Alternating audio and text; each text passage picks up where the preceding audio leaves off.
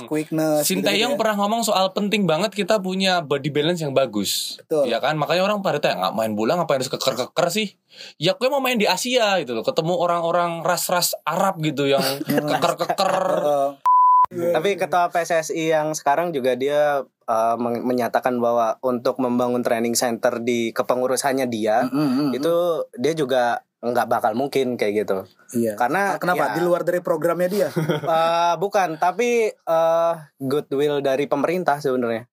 Di Jerman lah misalnya. Uh, mungkin jauh banget ya. Jauh banget dong yang Asia Tenggara dong. Vietnam iya, dong. Thailand, Vietnam dong. Vietnam itu dia tadi kayaknya Nguyen Thien Lin tuh Iya. sorry I'm still dialectical materialist bro.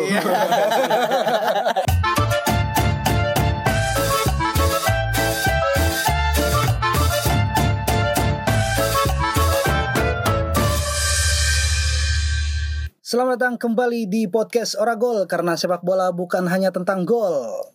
Di episode ke-41 ini masih bersama saya Ikhlas Alfarisi sebagai host dan teman saya Rehan Majid. Adios.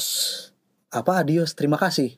Apa sih? A- a- apa cok? Adios tuh artinya apa, Cuk? Halo. Oh, halo. Kok adios? Ya adios kan? Bukannya terima kasih adios tuh. Masa sih? arigato. Enggak pas Maradona meninggal kan tulisan adios. Oh iya ya. ya Masa? ter- ya terima kasih aja gitu. Udah di present, ya kan? Udah dikenalin. Nah, juga ada Arci Afrian. Apa Selamat malam, kabar? Apa kabar? Malam. aman cari yang aman. Aman. Pengen sosokan. ya, di episode ke-41 ini jadi eh, Oragol punya itikat baik ya untuk bukan hanya konsisten tapi disiplin dan memperbanyak kontennya gitu kan. Iya. Kayak semua orang sekarang tuh bisa bikin panggung, tapi kan panggung kita belum rame nih. gitu. Iya.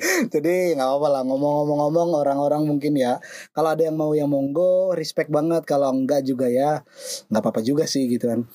Dan di episode kali ini yang yang tayang hari Minggu ya eh, itu khusus bahas pembahasan-pembahasan yang kalau kata anak berita DIY itu evergreen. Wih, disebut Jadi- merek coba. nggak apa-apa lah. Oh iya, biar Endorse kali ya. Iya. Kan SEO ya. gitu gak sih? gitu gak sih cara mainnya kalian betul. ini? betul, betul, Gitu betul. ya biar apa namanya episode ini tuh tetap relevan didengerin kapan pun gitu kan ya mudah-mudahan gak jadi tema yang basi juga gitu nah eh, episode kali ini kita khusus gitu bakal bahas timnas Indonesia dari ya perjalanannya. Karena di hari Rabu nanti ya Senin Selasa Rabu ya itu bakal melangsungkan pertandingan pertamanya. Pertandingan yang cukup berat mungkin di kualifikasi Piala Asia. Dan sebagai fans timnas kita kan ekspektasinya selalu tinggi ya. Nggak mungkin nggak tinggi tuh yo Liga Indonesia aja adanya big match dan super big match gitu kan.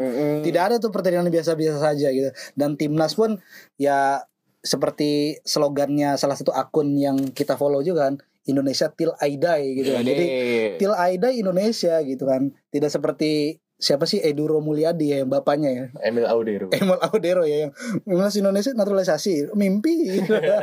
Tapi kita kita til idol jadi ngelihat dari persiapannya gitu kan eh, kemarin juga sudah lawan timnas Bangladesh gitu kan terus Oh iya, iya ah, ah, ah, terus juga sekarang nih lawan tim Kuwait Oke. gitu nanti ya pertandingan pertama hari Rabu dan berangkat ke Kuwait nggak tahu udah berangkat atau belum ya satu grup sama Kuwait Yordania dan Nepal. Nanti Nepal. kita bisa melihat Rohit Chan berhadapan dengan Irfan Jaya tapi bukan di Liga 1 tapi berhadapan untuk membela negaranya sendiri-sendiri ya. Biasanya kan ya Rohit Chan membayangi Irfan Jaya ketika di Liga 1 dengan wasitnya ya wasit Indonesia gitu kan. Ini wasitnya FIFA. Yoi.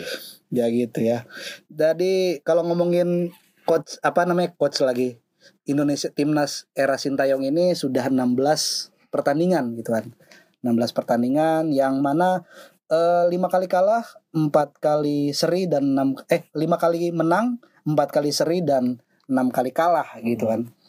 Dan satu lagi kita belum tahu hasilnya nih karena ini direkam delay. Jujur aja kita mah ya. Kelihatannya kayak oh prepare sekali, enggak ini delay. Ada Sintayong. Menurut kalian gimana guys timnas ini? Sintayong sebetulnya kalau aku ya melihatnya eh, orang pasti berekspektasi besar karena dia punya portofolio yang bagus. Eh, membawa eh, Korea Selatan juara di kompetisi regional ya kayak AFF gitu, tapi untuk eh, Asia Timur ya dia juara. Terus kemudian di level klub dia pernah membawa salah satu klub di Korea aku lupa namanya di Korea Selatan menjuarai AFC Champions League. Seongnam apa apa gitu. Oh ya. mm. Dan yang paling terbaru barangkali ya karir dia selama Piala Dunia 2018. Yang salah satunya yang paling fenomenal ketika dia mengalahkan timnas Jerman Der Panzer. Ya orang pasti punya ekspektasi besar ngelihat Sintayong. Tapi kalau aku pribadi yang aku suka dari Sintayong meskipun belum bisa bahasa Indonesia, dia punya gaya komunikasi yang bagus ke publik. Punya gaya komunikasi yang bagus ke publik. Misalnya untuk menjelaskan eh, kekalahan, untuk menjelaskan bagaimana kita bisa berkembang, dia cukup mendetail sebagai coach bisa eh, menceritakan semuanya gitu. Kalau di dalam lapangan sebetulnya Hmm. aku suka dia lewat komitmennya terhadap pembinaan pemain muda ya. Iya iya iya. Dia doyan sama youngster-youngster gitu dan menurutku itu keren sih. Iya Eh, iya iya. iya. Menarik kita tunggu Hmm. pemain-pemain yang diorbitkan di masa-masa Sintayong ke depannya gimana itu kan berarti kan ada Hmm. campur tangan dia kan dalam perjalanannya. Kalau apa namanya komentar keresahan sih bagi orang yang eh, memang ngikutin timnas terus tuh pasti ada terus ya. Hmm. Tapi bagi orang yang gak nasionalis nasionalis amat ki kayak kue Ci, kayak Emrafli aja yang pemain Arema Malang padahal dia orang Malangnya nggak nggak Nggak paham. tahu. Peci Peci. Kalau aku ngelihat eh, betul sama aku agak setuju sama Rehan komunikasi ke publiknya itu dia dia dia bagus Sintayong. Dalam maksudnya walaupun dia pakai penerjemah ya. Eh, Dalam arti dia nggak menyerang pemain. si Jojo itu. Suneo. Jojo Jojo Jojo. Iya, iya. Dulu kita namain Suneo kan waktu belum tahu namanya. Oh iya. Dia dia itu nggak menyerang pemain pertama. Dia tidak menyerang liga. Tapi langsung Nah, yang pertama udah apa gagal tuh. Karena Sintayong pernah nyerang pemain. Oh, iya Waktu pas lawan semifinal si games lawan Thailand. Tiga kartu merah gitu kan. Itu langsung marah besar si apa namanya si si Sintayong terus dia bilang ke publik, "Saya benar-benar kecewa dengan tingkah laku para pemain saya di timnas. Mereka seakan-akan tidak punya tanggung jawab Mm-mm. terhadap timnya." Ya. Oh iya maksudnya Ulangin maksudku iya oke oke tapi aku aku aku aku maksudku nggak nggak sebenar-benar pointer kayak Mourinho kayak gitu loh Oke. Oke. Mourinho kan By name gitu. Ah, by name dan banter banget sama pemainnya sendiri gitu loh Ya ya. ya. kalau misal dalam eh, konteks hari itu tiga Hmm. kartu merah Iya semua pelatih bakal marah dong Iya betul. betul. Iya kan Ya, Kayak gitu Mourinho kan memang tingkah lakunya tidak layak dicontoh ya. Cuman trofi trofinya aja gitu kan yang Tapi sekarang dicontoh. mulai bagus sih Mourinho Karena mungkin menua mungkin ya Nah, Oke. bijak ya. Iya, Oke. omongannya lebih bijak gitu loh. Atau enggak tahu apakah sebenarnya Sintayong ngomong kayak gitu, penerjemahnya menggakkan gitu Oh, kan iya kita sih. juga nggak tahu ya. Iya sih, bener-bener. Iya mungkin ya. Harus belajar bahasa Korea. Iya mungkin ya. Nanya sama apa ponakan-ponakan kita yang fans sama K-pop kan tahu lah gitu, diksi-diksi gitu. Eh, ini ini kasih tahu kasih tahu videonya Sintayong aja. Kamu tahu nggak artinya ini apa gitu? Karena karena mungkin yang lebih tahu budaya Indonesia Ah, kalau aku kan itu kan si penerjemahnya kan. Kalau aku kan senang di Jepangan taunya cincin dakara, cincin dakara gitu. Hara-hara. Aku nggak tahu Korea Koreaan men. Lanjut lanjut lanjut. kayak misal dulu eh kayak Sintayong pernah memarahi pemain di depan publik itu kan pernah kan? Karena itu budaya Korea kayak gitu. Sekarang juga enggak kayak gitu. Jadi lebih lebih kalem gitu loh. Dan dia lebih pointernya adalah iya salahkan ke federasi kayak gitu. Kritiklah federasi kayak gitu.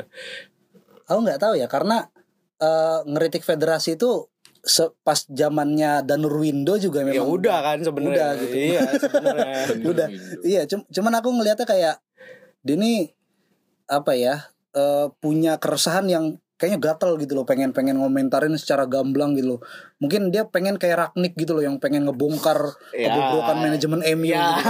mungkin habis itu Cabut. membawa membawa prestasi yang tidak mentereng-mentereng amat di peringkat 6 habis itu ambil gaji cabut.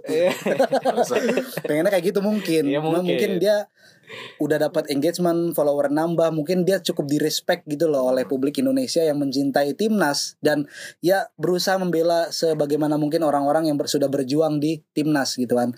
Dan tapi dia juga pengen gitu kesel gitu loh sama eh, federasi atau atau yang lainnya gitu kan. Tapi gitu caranya itu yang benar-benar elegan gitu loh. Nah iya kan. Nah, singkatnya gini, Sintayong tuh kayak pengen ngajak kita buat eh, nurunin ekspektasi yang sangat berlebihan tingginya gitu kan, untuk lebih realistis melihat timnas Indonesia ini sedang nggak keren-keren amat gitu, nggak ya timnas kita tuh ya mediocre lah gitu. Hmm. di Asia Tenggara, apalagi di Asia gitu kan, Vietnam sama Thailand yang mendominasi di Asia Tenggara aja kesulitan dia tai-taiin gitu kan di apa namanya di Asia gitu kan. Nah kayak gitu sih aku ngeliatnya Sintayong tuh.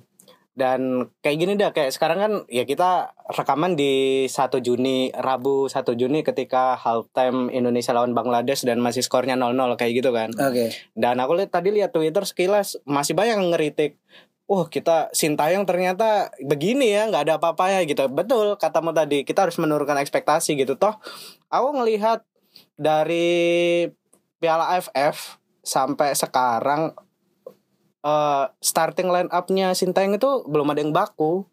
Iya iya iya. paham gak sih? Kayak kayak tiba-tiba ada Mark misal masuk itu kan butuh adaptasi juga dan lain sebagainya. Lalu pengganti Asnawi dan lain sebagainya pas di kemarin di U23 kayak gitu Dari gitu Fahmi ya. ya kayak gitu tuh juga dikritik. Atau jangan-jangan Sintayong tuh mazhabnya Don Carlo. ya mungkin. Aku malah iya, iya. Aku, aku aku aku aku lebih ke situ. Dia nggak punya bener-bener ide. Aku, mungkin dia ngelihat juga ya. Kayak misal mutu pemainnya seperti ini nggak bagus-bagus banget ya udahlah main adaptif sebisanya dan kalau bisa menang gitu. Iya iya iya iya. Hmm. Dan kalau lawan Bangladesh ya harusnya menang ini kan sebenarnya kembali lagi ke federasi kenapa uji coba dengan timnas yang eh, peringkat FIFA-nya tuh di bawah Indonesia kayak gitu Nah, loh persoalannya negara-negara di, gitu. di atasnya Indonesia juga nggak mau anjing ngapain lawan rendahan gitu. Iya. Untungnya. iya misalkan Indonesia ngajak Arab Saudi, eh ayo ngapain? Gue mau uji coba sama Perancis gitu dong. lah kan kan bisa dengan ini kayak misal tawaran fee lebih banyak atau apa kan Ya mau buat booking aja lupa. oh iya ya Gimana ya? Ya ya gitulah maksudnya kita apa kita kita ngelihat timnas Indonesia ini diajak untuk melihat gitu. Ya timnas Indonesia ini sedang tidak bukan sedang tidak baik-baik saja ya. Itu mah negara kita. Maksudnya eh, timnas kita itu emang mediocre gitu loh. iya timnas kita untuk mediocre terus kita har, apa namanya diajak untuk meng mengiyakan kenyataan yang ada gitu. Eh, tapi masa uji coba dengan tim yang lebih mediocre daripada yang mediocre Ya mending ini daripada dua dua kali lawan Timor Leste kemarin. ya itu juga mediocre Ya ya mending ini. iya mending ini tapi tetap mediocre gitu Ya nggak tahu. Iya federasinya lagi kan. Kena aku, aku ka- kayak misal kangen gitu loh ketika dulu uji coba aja ngelawan Uruguay.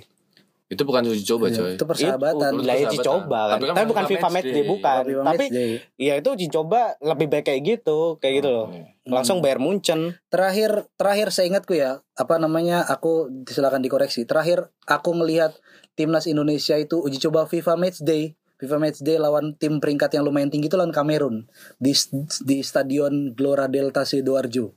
Itu masih zaman Boas itu. Ba- Bang Pamungkas, Firman masih ada. Itu kayak setelah Piala Asia 2007 atau ke sini deh. Persiapan 2010 AFF apa ya? Oke. Itu law- sempat lawan Kamerun tuh. Itu ya walaupun kalah sih 2-1 atau berapa itu. Tapi ya cukup membanggakan aja Iya gitu kan. kan. Itu set- Kamerun. setelah Eto'o pensiun kalau nggak salah. Atau Eto'o udah nggak dipanggil lagi ke timnas Kamerun tapi kan anjing Kamerun coy gitu yang Iya, yang Kamerun. Langganan Piala Dunia. Eh, ya maksudnya ya maksudnya dia tuh kayak Jepangnya di Afrika lah gitu. Ya. Nah gitu-gitu. Ya aku nggak tahu sih. Gi- Nanti kita bareng-bareng cari ya. Gimana caranya federasi itu biar bisa mem, apa namanya jadi IO-nya timnas untuk lawan tim-tim yang lebih bagus, lebih elit gitu kan. Ya mungkin mungkin kalau kalau aku ngelihatnya ya tim-tim yang lebih elit juga nggak mau lah gitu ngapain. Dia juga lagi berusaha meningkatkan peringkatnya gitu. Ya, Iya betul. eh, punya Atau lagi- yang sesama gitu loh kayak Cina Taipei misal. udah Yang kemarin kualifikasi. Udah. Singap kalau Singapura face to face ya. Eh, intinya intinya aku nangkep apa namanya omonganmu intinya kue bosen ngelihat timnas yang lawan itu itu aja atau lawan tim antah berantah gitu kan Bukan kalau entah berantah ya ya kalau misal di atas di atas kita tapi entah berantah tetap entah berantah. Maksudku di bawah FIFA eh, di bawah ranking FIFA Indonesia kayak gitu loh. Kayak Oh. kemarin Timor Leste. Mm-mm. Sekarang Bangladesh. Kenapa Hmm. nggak tapi kalau kalah Pales- nanti diomelin timnasnya Nah, ini eh, ini yang pertandingan FIFA Match Day pertama di bawah Sintayong tuh lawan Oman loh Nah, itu lebih lawan bagus tuh. Oman lawan apa namanya Kenapa sekarang menurun? Yang di Turki ya? Pas ini pas di Uni Emirat Arab pas kualifikasi Piala Dunia iya di Iya, Turki kalau ke Turki salah. juga. Turki. sama gitu-gitu. uji coba sama klub-klub Turki itu. Hmm. Nah itu kan bagus tapi kok sekarang lebih menurun gitu Timur Leste, Bangladesh Heeh. gitu. Besok apa lagi? nah Kepulauan Frau Nah, apa aku, gitu. aku nangkapnya dia, Apa dia, gitu. dia masih menganggap timnas Indonesia tuh keren. Iya. Nah ini kan lagi half time. Kalau ternyata Iya. dibantai 3-0 Ya kan iya. berarti ketahuan ketahuan bego gitu. Nah, iya maksudku adalah lawan yang di bawah ranking FIFA-nya aja Indonesia bisa kalah Kesulitan. apalagi lawan yang atas. kalau- kalau kalah itu Iya. makin mendelep loh. Iya, enggak gini. Sih. menurutku malahan kalau kita tahu kita lagi bodoh ya atau kita lagi mediocre, berkumpul lah Dengan atau orang soleh gitu. Iya biar Iya kan? kita ikut soleh. gitu. Maksudnya, ini berkumpul lah atau eh, tanding lah dengan eh, timnas yang Levelnya jago. lebih- iya, iya, iya. biar kita bisa ketularan. Biar Jagonya. Sintayong juga Iya, kalau bisa ketularan. evaluasi. Iya kalau ketularan. Timnas U19 Indra Sarafi di di Spanyol sebulan buktinya. Kan masih U19. Iya, U19 justru malah yang bagus masih Harusnya- bibit-bibitnya. Harusnya malah kalau misalnya itu berhasil timnas sekarang isinya anak-anak U19 itu. Oh, oh. Tapi kan enggak enggak, Dimas saya membuktikan juga U19 ke senior. Lah iya, maksudnya patch-nya juga beda. Apa keinginanmu itu nggak jaminan juga kalau Iya, berkumpul nggak dengan jaminan. elit. Nah, ya makanya ya udah Bangladesh aja. Iya, Nggak setuju siapa sih nggak setuju sih. Karena Ya. kalau misal gini ya, kalau Nah, besok perhitung- lawan Kuwait nih. Oke, nah kita, kita itu lanjutin. karena kualifikasi ya, Kualifikasi nih bukan ya. uji coba ya. Lawan Kuwait nih. ya gitu pasti kan. lah gitu. Kuwait itu eh, nomor satu, nomor eh, maksudnya unggulan nomor satu di grup itu grup apa sih itu ya? Grup B atau grup C gitu? Iya. Eh, unggulan nomor satu, unggulan kedua adalah Yordania ya. Yordania. Ah, Nepal sama Indonesia itu setara. Enggak lah, ada Rohit Chan nih. Si Rohit Chan. Pembeda itu. Iya. Beda tuh, Rohit Chan. Chan loh itu. Chan. Marga Chan. Chan loh itu. Apa Jackie Chan juga? Ya, nggak tahu lah. Ya. Sintayong punya tim tim analisis gitu kan. Setidaknya ngelihat Bangladesh, kayaknya dia larinya kayak Kuwait, bertahannya kayak Nepal gitu kan. Cuman di udara bola-bola udara kayak Yordania. Kayaknya mereka satu kesatuan untuk kita uji coba. Jangan gitu. Ya, aku, aku, aku, aku, aku, aku, aku kepantik sama melihat video analisis ya. Ini nanti akan masuk ke segmen yang eh segmen sama ya tentang training camp. Kalau kita biasanya idealnya kan melihat video training camp kayak taruna. gini gini. Pasti ya melihat video analisis dan lain sebagainya pengembangan kayak gitu ngelihat video itu kan kalau tim-tim besar ya kan? Itu kan dia pakai training camp gitu ya? Heeh. kalau Sintayong di mana ya? Di kontrakannya atau gimana Di rentalan. di, di hotel Oh, lah. di hotel Di hotel lah. Dia pakai ini gede gitu lah pokoknya ada kalau PSSI mau nyewain ya nyewa sendiri. Oh, nyewa. Gajinya kan gede. Gajinya gede. Patungan sama si Jojo. sama Yo Jehon juga talangin dulu lah duitku masih won duitku belum di money changer nih masih won gitu kamu aja lah yang rupiah kan pace Yo Jehon gitu kan sama Nova Arianto. Eh. ya gitu jadi timnas Indonesia tuh masih eh, apa namanya masih dipandang mediocre.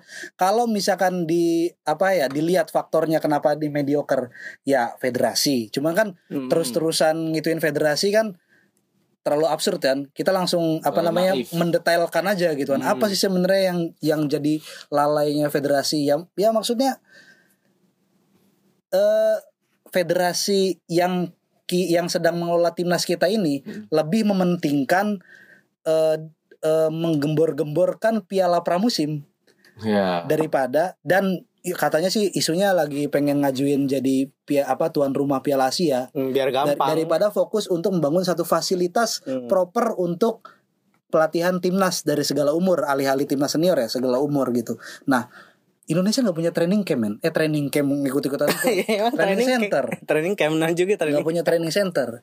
Nah, publik kita nih ya, kita nih disadarkan gitu. Apa kesadaran itu tuh makin makin ditekankan ya ketika eh, Sintayong diwawancara itu videonya dari fandom ID apa goal.com gitu. Ditanya gitu, gimana pandangan Anda ketika ada fans Indonesia yang udah mulai hashtag nih timnas out apa stay out gara-gara nggak berhasil dapetin emas gitu kan.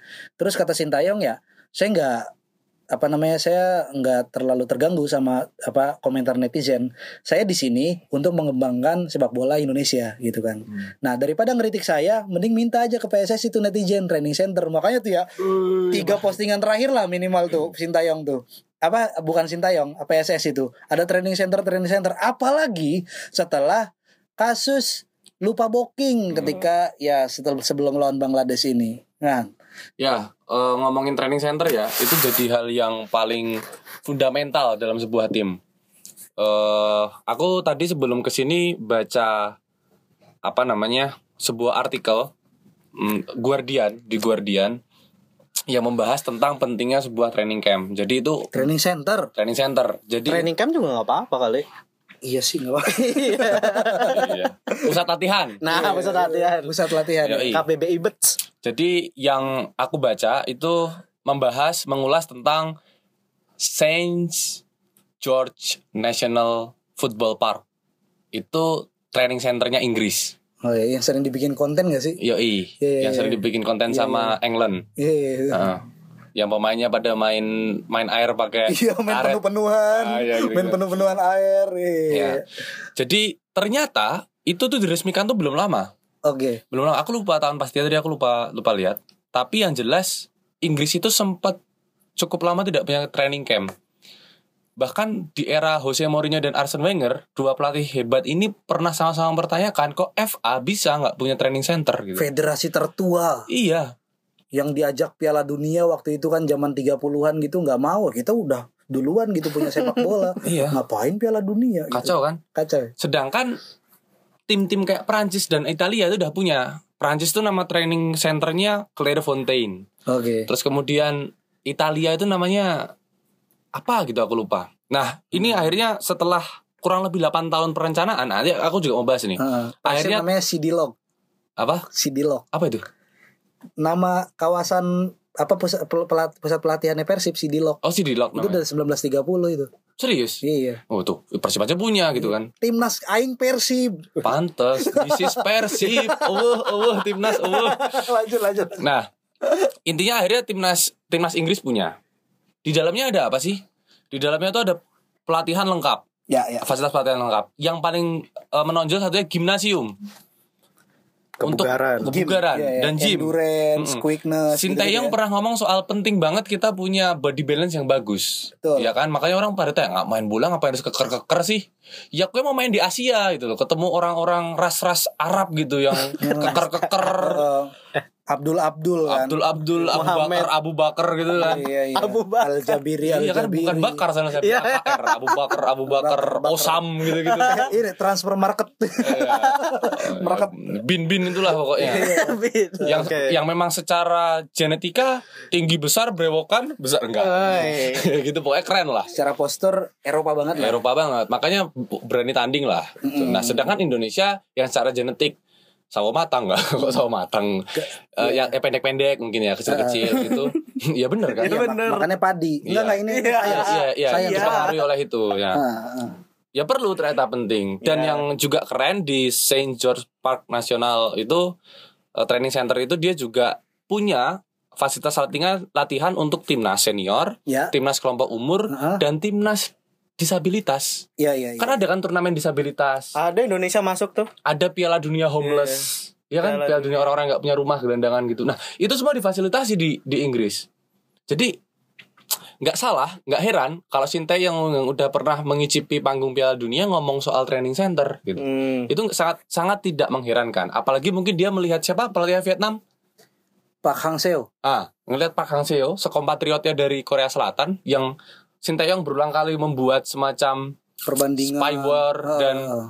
eh Cywar kok Psy- ya itulah Spyware dan juga membuat apa namanya berbagai macam lontaran eh, yang dalam nada menantang ke timnas Vietnam panas wajar karena Park Hang Seo Ya, ah. itu dia diberkahi sebuah tim yang sudah proper sejak proper ini. ya. punya training camp juga kan punya Iya, training iya, center betul, juga betul, yang betul. kelas 3 ya atau Hmm. bintang 3 ya Bintang tiga. bintang 3 ya kan yang gimana nggak iri gitu loh Iya, iya. temannya bisa menikmati itu dan Tambah Sin- mangkal lagi Sintayong pas apa pas dia ke Vietnam si games gitu kan mana nih Vietnam training camp bagus dikasih lapangan latihan buat timnas yang kata ya pengak- pengakuan dia sih lebih buruk dari lapangan SD adanya. Iya. dan memang bener kan lapangannya jelek banget cuy lapangan pas lawan Thailand tuh Mm-mm. Ada Iya. kerikil-kerikilnya. Iya. gitu. artinya Vietnam itu ya Vietnam untuk Vietnam gitu Betul. kan. jadi tidak peduli kamu orang asing gitu tamu tidak bernegosiasi dengan tuan rumah gitu kan Chef Wadas Tapi ini mumpung masih ngomongin training camp ya. Aku sanksi sih kalau timnas dalam waktu dekat bisa punya proyek pembangunan training camp. iya, Training iya. center. Aku sangat sanksi dal- akan hal itu. Jokowi aja pernah buat janji mau buat training center tapi udah berjalan beberapa tahun dua periode Hmm.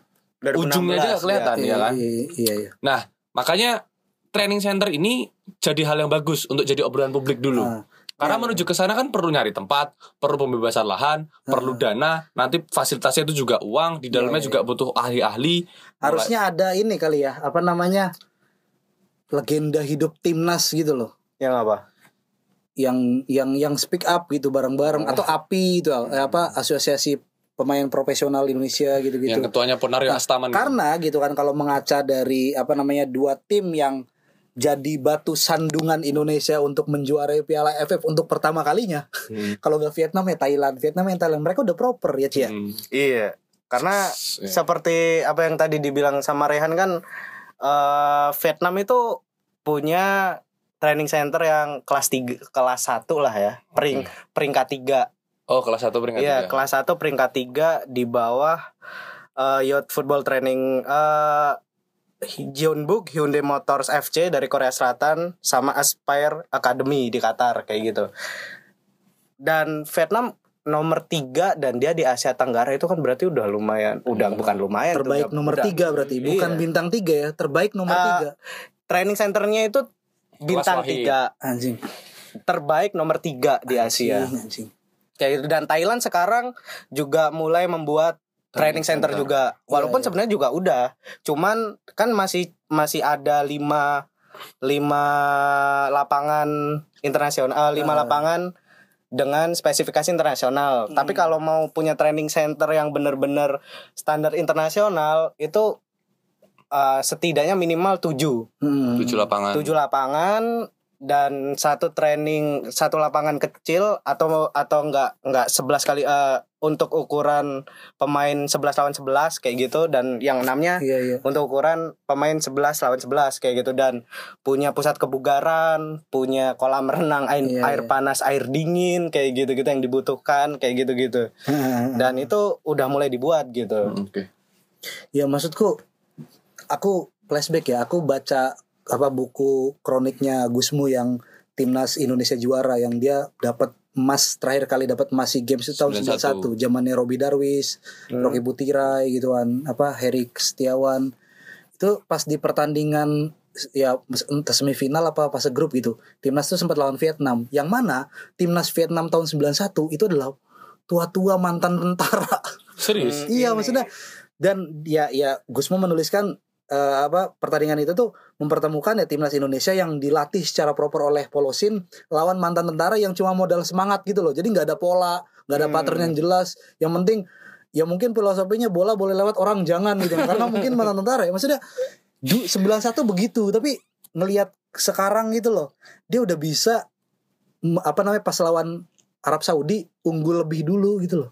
Terus bisa mengimbangi gaya permainan dari Jepang di kualifikasi Piala Dunia. Ah, Maksud, Vietnam. Sementara kita yang ya ini aja deh Piala Tiger 2004 Vietnam apaan sih Mas Ian? iya ya. Iya kan masih Singapura, Thailand, Indo. Iya iya iya. Ya kan saat Iya. itu Hmm. Filipina naturalis gara-gara naturalisasi agak-agak naik Iya, gitu. iya, iya. Pinai, Tapi tiba-tiba gitu. 2010 ke atas Vietnam Thailand udah. Indo cuman mediocre yang mencoba. Iya, maksudku malu Nice sama orang-orang orang-orang Iya. PSSI itu apa nggak malu sama apa pengurus federasi yang lain ya? Pas kopdar gitu ya. Basket Perbasi itu ya. Itu kan tim yang nggak di Asia Tenggara bahkan itu kan hampir nggak mungkin bisa mengalahkan dominasinya Filipina ya. Tapi dia berhasil dapat emas loh kemarin. Apa ya PSSI itu gimana sih? Maksudnya kalau misalkan kayak Pak Sekjen gitu kan, Hmm. oh ini cuman persoalan miskomunikasi gitu kan, jangan dibesar-besarkan. Ya dibesar-besarkan lah level timnas, anjing bukan level UKM jurusan yang mau apa healing, yang mau main futsal di telaga gitu. Wah nggak jadi guys, gitu lupa booking gitu, udah penuh gitu. kan. Ini timnas gitu loh. Iya. Ya maksudnya kalau capek ngundurin diri aja gitu dan toh nggak ada yang nyuruh gitu nggak ada yang nyuruh enggak tapi kan ini pengabdian ke timnas anjing yang punya kecintaan terhadap timnas berkali-kali lipat di atas anda itu lebih banyak pak gitu. Tapi bukan saya. Tapi ketua PSSI yang sekarang juga dia uh, men- menyatakan bahwa untuk membangun training center di kepengurusannya dia Mm, mm, mm. itu dia juga nggak bakal mungkin kayak gitu. Iya. Karena Kenapa? ya, Di luar dari programnya dia. eh, bukan, tapi eh, goodwill dari pemerintah sebenarnya. Itu kan training center juga kata dia pembe kata Rehan tadi kan pembebasan lahan harus punya Lah dana iya yang daripada banyak, bikin gitu. waduk kan. Eh, kayaknya warga pada sepakat deh kalau bikin Iya. training center. bercanda, bercanda, bercanda. Dan kan kayak misal kalau misal pemerintah itu nggak bisa sendirian sebenarnya kan kayak Thailand ya. Thailand kan pakai investor kayak gitu. Iya. Ya nggak apa-apa swasta juga misalkan Hmm. asosiasi lap, apa penyedia lapangan futsal seluruh Indonesia gitu. yang yang usaha lapangan futsal, sampingnya toko jersey, sampingnya lagi apa namanya rental PS tuh biasa itu, sepaket tuh. Mereka berkoalisi gitu kan, ayo kita bandingan modal guys gitu kan, bikin training center buat timnas, tapi mereka harus nyewa kita gitu. nggak apa-apa juga kan? Gak apa-apa. Lah kayak Korea kan swasta kan itu punyanya ada Hyundai Hyundai-nya berarti iya, kan swasta. punya korporat kan. kan? Kebanyakan tim-tim klub itu juga kayak gitu kayak Iya. kayak di Liverpool yang baru itu apa namanya dari bank itu Standar Carter. ah, bukan bukan yang satunya itu kan juga swasta kan maksudnya lima enam puluh empat puluh lah kayak gitu Iya iya iya. kayak kayak gitu di nanti di Thailand ini juga kerjasamanya juga sama punyanya Thai apa pemilik dari Leicester City itu King Leicester Power King Power. Ah, King Power. King Ya, Power Group itu. gitu Ya nggak apa-apa. lima gitu. puluh lima puluh Iya. mungkin enam puluh empat puluh gitu mungkin Berarti tadi omongan Rehan tadi yang ngomongin dari pemerintah belum ada good willing ya Hmm. pengusaha lah gitu. Kita nggak bisa bergantung. nah pengusaha ayo kita bersatu berjuasi Indonesia yuk. pengusaha Bisa. lebih lebih lebih mending ke klub kayak sekarang Bali United lagi udah pembangunan Ah, kayak gitu kan punyanya Rans juga mulai pembangunan iya iya iya. iya. lebih lebih maksudnya lebih kayak profitan profitan klub daripada timnas gitu berarti Iya. kan sekarang bagaimana cara ini sih kayak kayak penawaran apa penawaran timnas itu lebih gitu Iya. nah itu kembali lagi kalau misal yang uji coba sama timnas Indonesia aja masih Bangladesh tingkat penawarannya kan ya rendah Iya iya. iya. itu salah Ya, satunya masuk akal, masuk akal, masuk akal. iya kan Tapi ya kabar baiknya sementara ini apa ada kayak kesepakatan gitu antara PSSI, Kemenpora sama ya timnas gitu squad Sintayong. Hmm. Jadi ada lapangan sepak bolanya UPI ya, IKIP Bandung sana. Wih. yang di yang disediakan oleh Disediakan, apa namanya itu sama bebas. Pak Zainuddin Amali kan Eh. Menpora kita kan di ya dikasih buat ini. Cuman harus ke Bandung lagi. Iya ke Bandung lagi Nanti ada yang bikin- Wah, wah, wah. yang bikin baleho lagi. Welcome to Bandung. This is Persib. This is Persib. Oh, oh, selamat datang di Bandung naon sia goblok gitu. Asli keren anjing. nah, nggak tahu ya. Ah, wah aku- ah, kita nggak nonton ya ada nggak nih spanduk-spanduk yang ora di pertandingan lawan Di Jalan Bangladesh ya. iya iya iya. Kayak kayaknya sih eh, kayak gini kayak kayak Anies Baswedan aja bisa bikin JIS ya. Lapangan segede itu ya. Lalu sekarang Formula E gitu ya. Masa nggak ada ya kayak training center ya? Iya jadi Iya. di training center gitu. Apakah harus ya emang harus presiden sebenarnya harus harus ada hajatan dulu yang gede oh ya itu ya ya betul ya Palembang gak bakal ada Jakabaring Oh, iya, kalau betul. enggak jadi a- apa tuan rumah Rumah, si iya. Games 2011 itu Wisma Atlet Wisma Atlet juga gara-gara apa kan Covid ya. Piala, Piala Asia ya enggak sebelum itu Asian Games. iya Oh, Asian Games. Asian Games betul betul Oh, betul kirain buat Covid. kirain dibangun kan itu Wisma Atlet buat atlet-atlet bulu tangkis yang ya Yang gagal cuma Hambalang. Hambalang ya. itu dulu kuk kira Wisma As emang training center Hambalang Bukan, maksudnya itu Hambalang mau jadi komplek olahraga juga kan? Oh iya iya. komplek dan ada mes Iya. tapi nggak ditinggalin dan ditinggalin Heeh. ya itulah. Terakhir kita poinnya ini ngomongin supporter. Apa yang mau dibilang dari supporter kayak kita ini eh, posisinya? Kalau ya ya ternyata kita cuman jadi apa ya? Ya bukan voters juga Oke, gitu oke. kan, nggak bisa nggak bisa ngituin kebijakan gitu-gitu. Piye Han menurut Muhan? Kalau ngomongin supporter, aku tadi selain baca yang dikirimin Archie, aku juga lihat beberapa artikel di internet soal bagaimana sumbangsi supporter ke timnas. Yoi. Nah, dari beberapa artikel yang tak baca, sebetulnya nggak ada yang spesifik ngomongin sumbangsinya ke timnas ya. Tapi lebih semua ini dimulai dari klub, Mm-mm. dari klub sebetulnya. eh edukasi sebetulnya yang paling fundamental. Misalnya dalam isu seperti ini, ketika ya ibaratnya kita kayak ngomongin gerakan deh, sih organisasi misalnya. iya iya iya Or- sebuah organisasi organisasi pergerakan harus siap menyambut momentum. Nah, gitu kan. Ini kan momentum sebetulnya. Ya ya ya ya. Udah in the air nih isu-isu ngomongin soal apa namanya? isu-isu soal eh, pembangunan training center, Betul betul. PSSI digempur habis-habisan, kebobrokannya mulai keluar dan segala macam. Ah. Tapi nggak ada yang inisiatorin, Ah. nggak ada yang ngajak konsolidasi gitu loh. Nah, Mbak Ratu Tisa juga masih nyaman di AFF sana ya. Hmm. Iya. Dia ma- makin naik ya dia. ya? Iyalah, dia mau ke FIFA dia tuh. Oke oke Iya, oke. nggak pernah ngurusin PSSI sih bapak-bapak. Nah, maksudnya dari dari taraf supporter ini penting. Makanya kalau tadi aku lihat di eh, artikel itu ada tiga unsur penting dalam membangun edukasi eh, supporter. Hmm. Pertama klub, kedua media, Yoi, ketiga supporter itu sendiri. betul. Nah, klub klub ini juga harus mampu punya medium Yoi. yang mewadahi supporter. Ya, ya, ya. Terus ya. kemudian media, media ini juga harus mampu menerbitkan, menayangkan tayangan-tayangan yang edukatif sebetulnya. Betul sekali. Dalam hal ini aku ngomong edukatif misalnya gini, di Indonesia itu kalau kita ngomongin eh, supporter punya kontribusi terhadap timnas itu menurutku terlalu jauh gitu. Karena ah, ah. supporter kita itu masih sangat berfokus ngomongin perdamaian. Entah Oh, dari kapan oke. supporter kita fokusnya perdamaian karena Eh, yo perdamaian antar supporter maksudnya. Bukan menjadi supporter yang dewasa ya. Karena kan rivalitas tuh nggak boleh nggak boleh dihilangkan kan. Iya. Jadi nggak sampai berlebihan Eh, gitu. nggak apa-apa gelut mah. eh. Enggak gelut ada yang mati. Nah gelutnya nggak apa-apa, matinya kan enggak. Ya polisi lah tugasnya kan.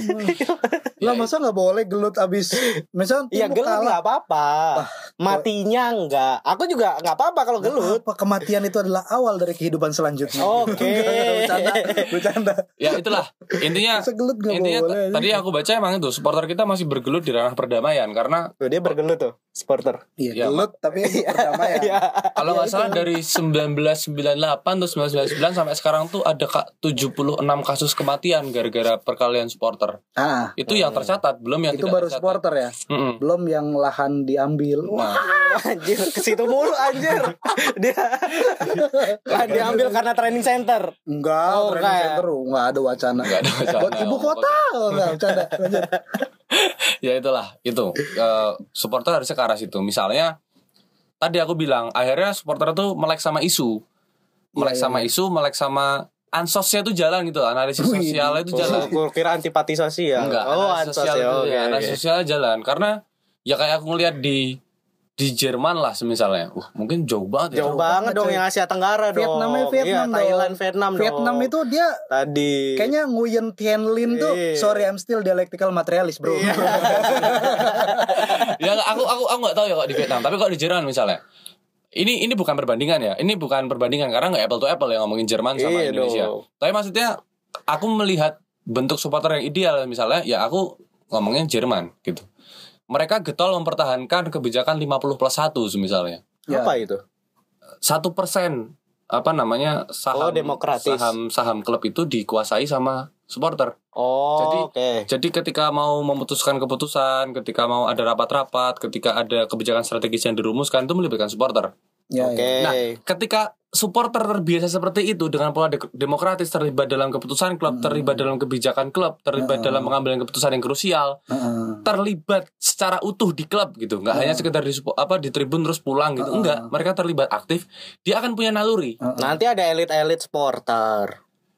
Loh, nggak kayak gitu, nggak. Kan bisa aja. Ya bisa aja. sih. Iya kan? Enggak intinya supporter enggak asal keratak kritik kerutuk gitu kan. Iya, iya. Ya, kritik geruduk. Nah, gitu. Pas saya Sleman kemarin. Ya enggak, intinya Ya, beda beda metode. Beda, beda, beda. Iya, habis kritik geruduk Ya, mereka. ini ya aku nggak tahu ya itu bakal jadi jadi elit-elit politik atau enggak. Tapi tak pikir kalau kalau sudah dalam tahapan mereka memperjuangkan 50 per 1 dan itu melibatkan banyak orang, tak pikir ya supporter Jerman cukup terdidik lah untuk untuk Ya. untuk mengurus hal Ya seperti itu. buktinya bisa gitu. Putihnya bisa. Nah, makanya ketika supporter terlibat pada hal yang tadi aku sebutkan, ya nggak menutup kemungkinan ketika ada problem yang apa namanya terjadi di timnas mereka di federasi sepak bola mereka ya mereka juga tahu harus berbuat apa karena mereka tahu rute. Nah kayak sekarang misalnya misalnya aku bilang Sleman. Sleman punya progresivitas supporter yang baik punya literasi sepak bola yang cukup matang punya Hmm. apa namanya eh, komite aksi yang nggak kalah keren juga gitu. Terus misalnya eh, tadi malam aku ikut spesial Viking Cyber gitu Oh, iya, mantap. Hmm, anjing itu tuh? full Sunda sih tapi aku mencoba mencerna. mencerna dengan kosakata yang aku tahu aja Ah, aduh ini apa aku kepo banget obrolan-obrolan itu tapi intinya aku satu Viking Cyber itu mendorong kita untuk membedah fenomena karena sepak bola kan fenomena iya, sosial ya fenomena apa? Betul, Ah, betul. fenomena pencabutan banner Welcome to Bandung itu Oh. yang menolak timnas di Bandung lah pokoknya di Persib tadi lah itu dijelaskan itu sebetulnya apa Dan ternyata benar di podcast itu dijelaskan, eh di, di space itu dijelaskan itu bukan hanya perkara sentimental antara eh, Bandung dan Jakarta. PSSI, Oh, PSSI. yang diidentikan sama Monas sebetulnya. Iya iya iya. iya. Tapi ini juga problem. Dia bilang, eh, dulu aku ingat Persib itu punya jasa besar di timnas lewat Robi Darwis bilang gitu. Kami melepas dengan bangga, dia pulang bawa emas. Orang-orang dulu masuk timnas untuk prestasi, sekarang lihat buat apa? Buat bikin konten, naikin harga pasarnya dia, naikin followers. Ngapain ke timnas gitu? Ngapain timnas training? Ngapain ke sini ya? This is Persib gitu. Ya, Timnas aing Persib, Persibnya jadi ke Batam. Aing ngapain beli HP second? Black market. Black market. Ya itulah intinya dalam taraf itu aku kira supporter bisa maju. Jadi ya apalagi ada FDSI kalau nggak salah Forum Diskusi Supporter Indonesia itu ternyata ada coy. Iya aku aku juga tadi baca-baca Iya, dia yang- wawancaranya dia- dia- itu dia formatif sempet- banget sempet- sih tapi Iya tapi dia sempat nyegel banget. nyegel sekre PSSI lo kantor PSSI lo. ya, mantep itu. Mantep. iya, Maksudnya forum-forum kayak gini penting gitu. Hmm, Atau ada 90 plus 1 bagi voters PSSI ya. buat apa? Ya buat jadi voters juga dari kalangan supporter gitu. Pas, Pak apa Pak Andi Peci. Oh iya iya. iya. Bisa kan ya kan? dalam dalam ini ya dalam pemilihan exco atau ketua gitu Iya, iya, dilibatkan ya. 90 plus 1 karena ya apa ya kalau nggak tahu ya mm, apa namanya pemangku kebijakan sepak bola atau orang-orang yang ada di sepak bola tuh menganggap supporter tuh apa kalau mereka menganggap supporter itu sebagai kawan itu pa- apa namanya pasti understanding karena friends are understanding fans are demanding Nah, Dulu di Gitu-gitu. tetap fans kayaknya. ya kalau tetap nggak fans ya udah gitu kowe boleh ngomong apa aja tapi kebijakan tetap dari kami gitu Mm-mm. yang akhirnya kita nanti nggak usah kaget ketika fans fans ya melakukan hal-hal yang di luar nalar melakukan hal-hal yang konyol bahkan gitu kan ketika eh, merasa dikecewakan atau tidak tidak apa namanya tidak kunjung diberikan cuma harapan terus harapan Iya, iya, iya, terus iya. gitu-gitu. Iya Hmm, kayak kalau hmm, eh, kalau aku tadi sebenarnya aku agak beda pandangan sama dia yang mengatakan bahwa soal pergerakan kayak enggak, enggak, enggak sebenarnya enggak. kayak Jerman itu ideal banget kayak gitu enggak sih. Kalau menurutku untuk saat ini kritik geruduk itu juga bagus sih menurutku Lah, aku kan nggak bilang kritik geruduk lalu bagus. iya walaupun nanti kan kayak misal ada demokratis Hmm. supporter kayak gitu ya itu ideal kayak gitu tapi kritik geruduk kayak inilah kayak kita ngelihat Nurdin Halid turun itu kan juga karena supporter kan Betul. yang geruduk iya iya. Iya kan? Juga kalau kit- pernah kita baca tulisannya Pangeran Siaan di blognya yang dulu, Heeh. dia kan juga ikut eh, ikut membantu bagaimana media itu kayak bagaimana supporter itu tahu kebejatan dari PSSI kayak gitu. Sebenarnya itu yang kita harapkan mungkin kita nge-follow pengamat sepak bola mungkin ya kayak gitu-gitu. Iya. Karena kan eh, dia selalu bilang bahwa oh ini ini PSSI jelek kayak gitu. Tapi Akmal Marhali Iya tapi sayangnya, eh, tapi sayangnya untuk sekarang ya itu pengetahuan seperti itu itu aku ngelihatnya parsial, ya ya ya nggak mendalam kayak 2010 yang lalu kayak gitu. Mm-mm. Zen sampai nuliskan bagaimana kebobrokan Nurdin Halid dia langsung bikin zin bikin zin. Mungkin sampai sekarang ada yang bikin zin ya, Nah. tapi nggak se-up kayak dulu gitu loh. Mm. Lalu bagaimana Membangun agitasinya itu jelas ya gitu. Langsung Nah. bagaimana dia menyuarakan Nurdin Halid out dan turunkan Nurdin Halid di Gelora Bung Karno. Nah. Lalu pang, si apa si pangeran itu juga bilang eh juga menulis bahwa Nurdin Halid kenapa kita harus menurunkan Nurdin Halid? Alasannya tuh ibaratnya kayak manifesto apa ya? Hmm. Manifesto turunkan Nurdin Halid kayak gitu tuh itu tuh ada kayak pe- pers release gitu loh. Alasan-alasannya kayak gini dan pernyataan sebagainya. sikap Ah, ah, gitu kan. Kalau sekarang kan kayak kita ngeliat parsial ya. Dan Parsial. emang emang lebih mementingkan klub gitu Hmm. dibanding timnas 2010-an tahun lalu lah. Eh Hmm. 10 tahun yang lalu gitu. 20 Iya, iya. 12 tahun yang lalu kayak gitu. Iya, iya, Itu iya. sih atau kalau jangan-jangan generasi yang solid menurunkan Nurdin Halid adalah generasi yang memang benar-benar melihat Indonesia timnas mengalungkan emas 91 gitu kan. ya Jadi, atau, atau melihat anjir ini udah bobrok banget nih mau Ah. sampai kapan begini nih atau generasi kita juga bakal solid ketika nanti AFF Desember juara gitu kan. Hmm. Amin gak nih? Amin. gitu kali ya ya udahlah ya supporter itu impactnya mungkin jelas ya bagi ya psikis terutama mental Iya. bermain seorang pemain sepak bola ditentukan oleh ya antusiasme supporter juga ada ada ada apa namanya ada faktor di sana gitu Hmm. Aku terakhir deh, Riz, closing statement ya. yoi wis gokil lah, kayak kayak ini coy N- Nanggap, nanggapin soal supporter. Intinya Hmm. kalau aku tadi edukasi itu mendorong perubahan paradigma dari supporter dari sekedar menyanyi di tribun tapi Hmm. juga bisa merubah kebijakan karena Betul. puncak dari gerakan adalah mempengaruhi Hmm. kebijakan. Betul. Revolusi, bukan reformasi, reformasi ya. Politik Mengubah gitu. pergerakan. Iya, da- dari dulu kita reformasi mulu ya. PSSI kan juga dulu revolusi PSSI. Pernah dengar kan hashtag itu? Hmm. Tapi pada akhirnya cuma reformasi. 2024 lanyala mata tiba-tiba memecah kayak gitu. Ya, Emang Indonesia pernah revolusi? Gak ada. Oke, sampai jumpa di episode selanjutnya. Ciao Bella.